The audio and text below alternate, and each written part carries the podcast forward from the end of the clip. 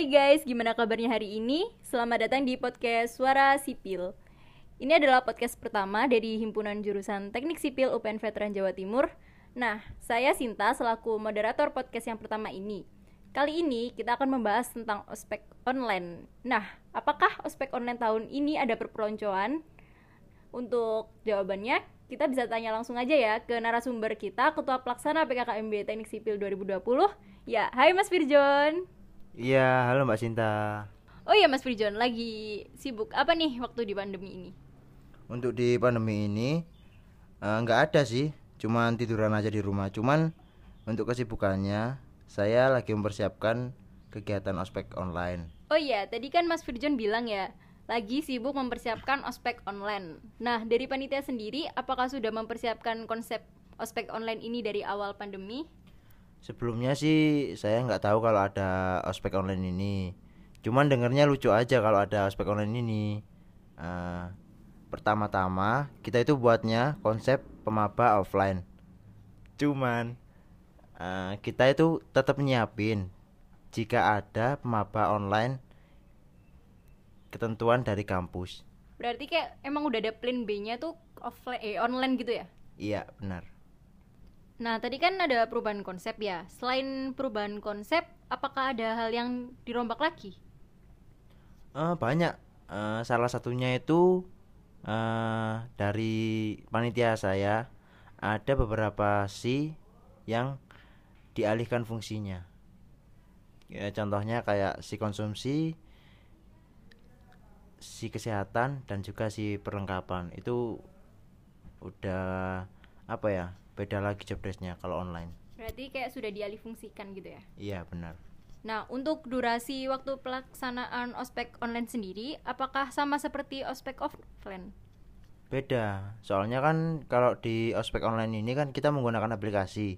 Nah, aplikasi ini kita membutuhkan kuota, jadi kita kayak kasihan juga untuk mabanya yang berada di luar pulau atau di mana. Jadi kita minimalisir itu, kita menggunakan waktu setengah hari. Jadi kalau setengah hari itu duhur udah selesai gitu ya? Kemungkinan sampai duhur itu. Dan kita itu udah apa ya? Kita udah dibagi dua sesi gitu. Oh, udah dibagi dua sesi. Nah, menurut Mas Firjon sendiri efektif nggak cara panitia mengenalkan kampus meskipun lewat online gitu? Efektif nggak?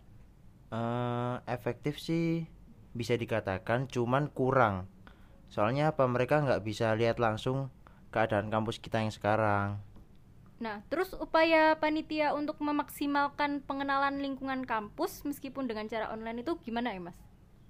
Eh, usaha kami ya itu melewati apa ya kita itu membuat video seperti kita itu memper- memperkenalkan kampus kita dengan kita membuat video dan di- dikasih tahu kepada mereka dan juga kita memberikan tugas apa saja yang ada di teknik sipil ini biar mereka bisa lebih mengenal dunia sipil yang ada di UPN Veteran Jawa Timur ini.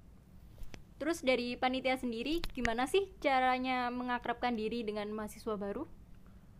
Untuk dari panitia ya, eh, kita itu menyediakan senior pendamping SP yang mereka itu kerjanya itu ya membantu mahasiswa baru selama pelaksanaan ospek online ini. Jadi mereka yang memberikan informasi meskipun tidak banyak, yang penting mereka yang menjadi jembatan bagi mereka lah bisa mengenal kehidupan sipil yang ada di sini. Oh, berarti melalui kayak senior pendamping itu tadi ya? Iya benar. Oh ya, Mas Firjon pernah nggak membaca artikel tentang perpeloncoan-perpeloncoan? Iya pernah sih. Emang kenapa? Nah, apakah di ospek online ini akan terjadi perpeloncoan? Kalau di UPN veteran ini kemungkinan sih nggak ada ya. Untuk sipil UPN sendiri tiap tahunnya itu tidak pernah melakukan perpeloncoan dalam ospek ini. Oh, berarti emang nggak ada perpeloncoan online ya? Iya, nggak ada. Jadi untuk para calon mahasiswa baru nggak usah takut karena di sini nggak ada perpeloncoan online ya, nggak akan terjadi perpeloncoan online. Benar. Oke, Mas Firjon boleh nggak sih kasih tips dan pesan buat para peserta ospek online besok biar para pesertanya lebih semangat selama menjalankan ospek online ini? Untuk pesan saya buat kalian maba mahasiswa baru tahun 2020 terus berjuang dan jangan menyia-nyiakan kesempatan kalian telah masuk di Teknik Sipil UPN Veteran Jawa Timur ini. Tetap semangat. Terima kasih. Oke, terima kasih Mas Frijon atas jawaban dan penjelasannya. Semoga bermanfaat untuk calon peserta PKKMB Teknik Sipil 2020. Untuk narasumber yang kedua dari Panitia Ospek Fakultas Teknik pada tahun 2018, selamat datang Mas Garata. Boleh memperkenalkan diri terlebih dahulu? Uh, ya, halo. Uh, nama saya Garata Gema Putra Tarigan. Saya dari Fakultas Teknik, Program Studi Teknik Sipil Angkatan 2017. Kan pada tahun 2018 Mas Garata pernah jadi panitia ospek Fakultas Teknik kan ya Mas? Terus boleh diceritakan nggak pengalamannya selama menjadi panitia ospek? Uh, ya pernah sih. Ya pengalamannya ya banyak.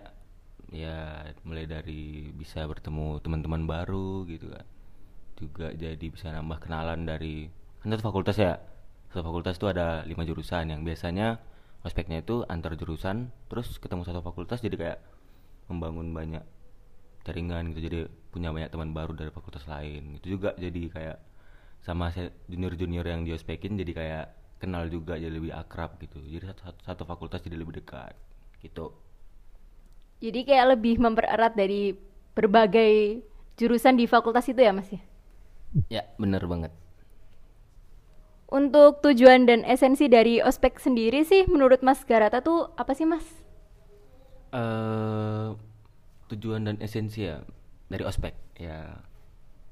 Balik lagi sih uh, ospek itu pada dasarnya ya pada dasarnya digunakan kampus untuk menjadi wadah untuk memperkenalkan ini loh kampus yang bakal jadi tempat kalian belajar gitu. Tapi beberapa jurusan itu menggunakan ospek itu untuk menancapkan ideologi masing-masing jurusan begitu. Jadi kayak contoh di jurusan saya itu kan kayak ada uh, bukan ideologi sih pemahaman kayak jargonnya sipil super solid gitu. Jadi gimana melalui aspek ini tuh para para maba tuh ntar bisa solid gitu.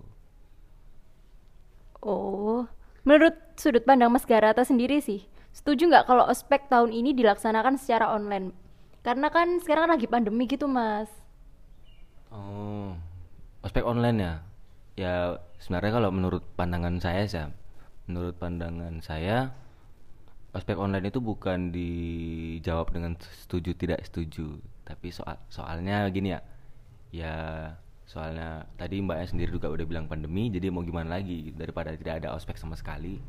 Dan yang tadi fungsi dari ospek itu tidak terlaksanakan dengan baik dan kampus tuh nggak dapat goalsnya ke maba-maba jadi bukan soal setuju dan nggak setuju tapi mending dimaksimalin di aspek online yang mungkin salah satu alternatif yang paling cocok untuk masa pandemi ini. Bisa nggak menjelaskan skema atau gambaran ospek online yang bakal terjadi gitu mas? Oh gambaran ya, ya mungkin maki-maki online kali ya, itu pressing-pressing online gitu, atau mungkin kayak ya gitu deh. Kalau ospek online gua kurang paham gimana ya soalnya pertama kali ini ya. Tapi menurut pandangan saya mungkin ntar kalau aspek online ini lebih ke kayak kayak apa kali ya? Kayak pertemuan-pertemuan gitu di Google Meet gitu. Ntar kayak ngasih-ngasih materi biasa tanpa ada interaksi langsung. Itu aja sih bedanya. Berarti kayak harus tetap dilaksanakan ospek meskipun online kan ya mas? Iya bener banget. Soalnya uh, yang itu saya bilang tadi kayak ospek online itu ada tujuannya gitu loh. Pada dasarnya yang paling penting dari ospek online itu uh, gini misalnya contoh ya kan satu ada ospek gitu kan ada rangkaian acara. Nah sebenarnya yang paling penting kan contoh nanti ada acara materi gitu dari jurusan terus materi dari senior atau materi dari organisasi jurusan terus ada presang pressing gitu kan sebenarnya kan yang diantar di dibanding presang pressing sama materi dari jurusan itu kan lebih penting materi dari jurusan gitu kan. Jadi uh, sedangkan materi dari jurusan ini kan bisa disampaikan melalui online gitu kan seperti perkuliahan online gitu. Jadi gak masalah dan selagi bisa dilaksanakan dilaksanakan gitu. Kalau di ospek online ini kan pasti ada kendala ya mas. Pasti kan. Terus gimana sih cara menghadapi apa ospek online ini. Kalau misalnya mahasiswa baru ini mem- memiliki keterbatasan dalam fasilitas seperti sinyal jelek maupun kuota yang terbatas? eh ya bener sih kita nggak bisa nyamain keadaan kita ya sama semua orang itu. Mungkin kita bisa gitu santuy gitu, di rumah ada wifi kita bisa langsung ospek online.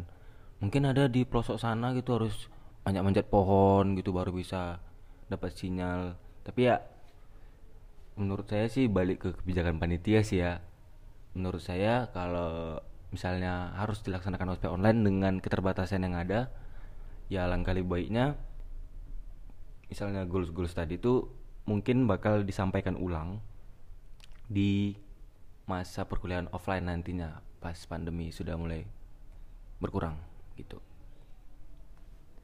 Lalu menurut Mas Garata upaya apa sih Mas yang harus dilakukan panitia agar bisa memaksimalkan ospek online ini? Supaya mahasiswa barunya tuh dapat manfaat dan esensi dari ospek online ini sendiri?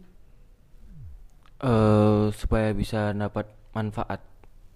Ya itu tadi sih lebih diperjelas gitu mekanisme tentang ospek online ini gimana gitu lebih ke masalah teknis sih kalau menurut saya ini. Soalnya ya balik ke pertanyaan mbaknya sebelumnya yang soal keterbatasan gitu. Paling nanti menurut saya kendala-kendala yang dihadapi maba sehingga tidak efektif materi yang mereka dapat itu karena terkendala teknis dan keterbatasan. Begitu.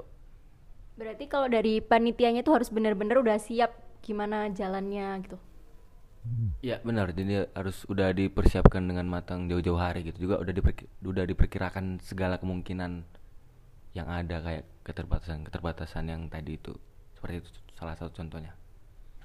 Hmm. Oh iya, Mas Garata pernah nggak sih dengar atau baca tentang artikel-artikel perpeloncoan? Apalagi akhir-akhir ini ada artikel tentang perpeloncoan online. Nah, apa sih pendapatnya Mas Garata mengenai artikel tersebut?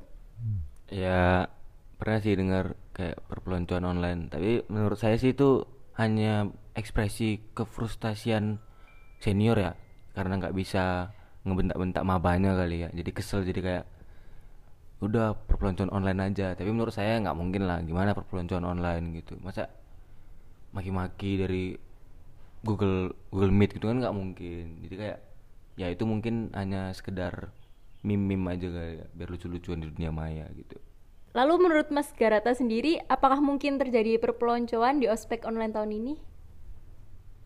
eh perpeloncoan di ospek online? Ya kurang tahu sih gimana. Mungkin menurut menurut menurutku bisa aja ada perpeloncoan online. Misalnya ntar pas ngisi materi tuh mukanya serem gitu ngintimidasi banget ya. Bisa aja gitu. Jadi mama mamanya langsung takut gitu padahal jauh gitu. Tapi ya kalau perpeloncoan mungkin yang ke arah-arah fisik gitu ya nggak mungkin lah kan social distancing gitu. Tapi kalau perpeloncoan mungkin perpeloncoan ke arah yaitu hanya sekedar mengintimidasi gitu mengintimidasi melalui kata-kata ya mungkin mungkin aja. Karena kan masih bisa terjangkau kalau dari segi suara gitu Atas semua jawaban ya dari semua pertanyaan yang saya tanyakan tadi, menurut Mas Garata, apakah ospek online sudah memenuhi standar sebagai sarana perkenalan lingkungan kampus? Em, dibilang standar juga menurut saya sih belum bisa ya karena belum bisa dibilang standar. Tapi ya mau gimana lagi ya karena keadaannya gini terpaksa. Soalnya menurut saya eh gimana ya? Kampus ya menjadi satu tempat ibaratnya bakal jadi empat tahun. Kalau misalnya empat tahun lulus gitu empat tahun tempat tuh orang bakal mondar mandir gitu nghabiskan harinya gitu. Tapi mereka nggak tahu. Nggak tahu tempatnya langsung gitu nggak bisa dilihat gitu. Hanya sekedar mempercayai gitu mempercayai tanpa melihat gitu. Bisa sih nggak perlu percaya tam sesuatu yang bisa dilihat. Tapi eh namanya juga kampus tempat kita gimana ya tempat kita belajar ya perlulah harusnya ngerasain offline gitu oh ini kampusku gitu loh oh ini gedung ini gedung ini jadi perlu mereka tahu mengenal kampus tuh secara offline jadi kalau menurut saya standar untuk mengenal kampus benar-benar mengenal tuh masih jauh gitu Berarti menurutnya Mas Garata tuh kalau online itu masih kurang maksimal. Berarti perlu adanya kayak dilakukan offline. Secara offline meskipun pandemi sudah selesai itu kayak ada perlu tambahan. ya menurut saya perlu ada tambahan gitu. Ibaratnya ya tipis-tipis saya nggak apa-apa. Yang penting eh kayak apa ya ibaratnya kayak kita ini selama ini belajar nih di kelas teori. Kan lebih biar lebih mantep gitu kan. Teori ini dipraktikin. Nah gitu. Jadi kayak maksud maksudku boleh di, dulu online karena keadaan kayak gini. Nanti setelah pandemi selesai bolehlah diadakan offline tapi mungkin tidak seribet ospek jadi hanya sekedar kayak kayak apa ya kayak pemantapan doang nah begitu Oke. Nah, yang terakhir nih ya, Mas. Boleh nggak sampaikan satu atau dua kalimat pesan buat panitia dan mahasiswa baru? eh buat paniti buat mahasiswa baru ya mungkin pesan saya sih mungkin biar lebih excited gitu ya. Ospek ini misalnya kalian dari dengar ibarat istilah perpeloncoan perpeloncoan itu tidak baik sebenarnya. Perpeloncoan tidak baik karena eh, ospek online ini seperti yang saya bilang tadi esensinya hanya untuk memperkenalkan kampus dan eh, menancapkan ideologi tentang jurusan masing-masing gitu. Jadi ya lebih excited aja ikutin aja semua santuy gitu terus kalau untuk panitia pesan saya ya jaga lisan jaga ucapan jaga jaga apa ya jaga perilaku lah gitu. Kadang sering tuh pa- panitia-panitia itu hanya ngelampiaskan dendamnya gitu kan. Saking excitednya wah aku punya adik nih. Dibentak-bentak dipukul-pukul itu kan nggak perlu gitu kan. Yang penting ya disayang adiknya. Gitu. Dah aja Ya, terima kasih Mas Garata atas waktunya. Semoga bermanfaat bagi panitia dan para mahasiswa baru. Ambil positifnya, buang negatifnya, dan semangat buat para mahasiswa baru 2020. Saya Sinta, terima kasih sudah mendengarkan podcast pertama dari Suara Sipil. Nantikan podcast berikutnya ya. Sampai jumpa.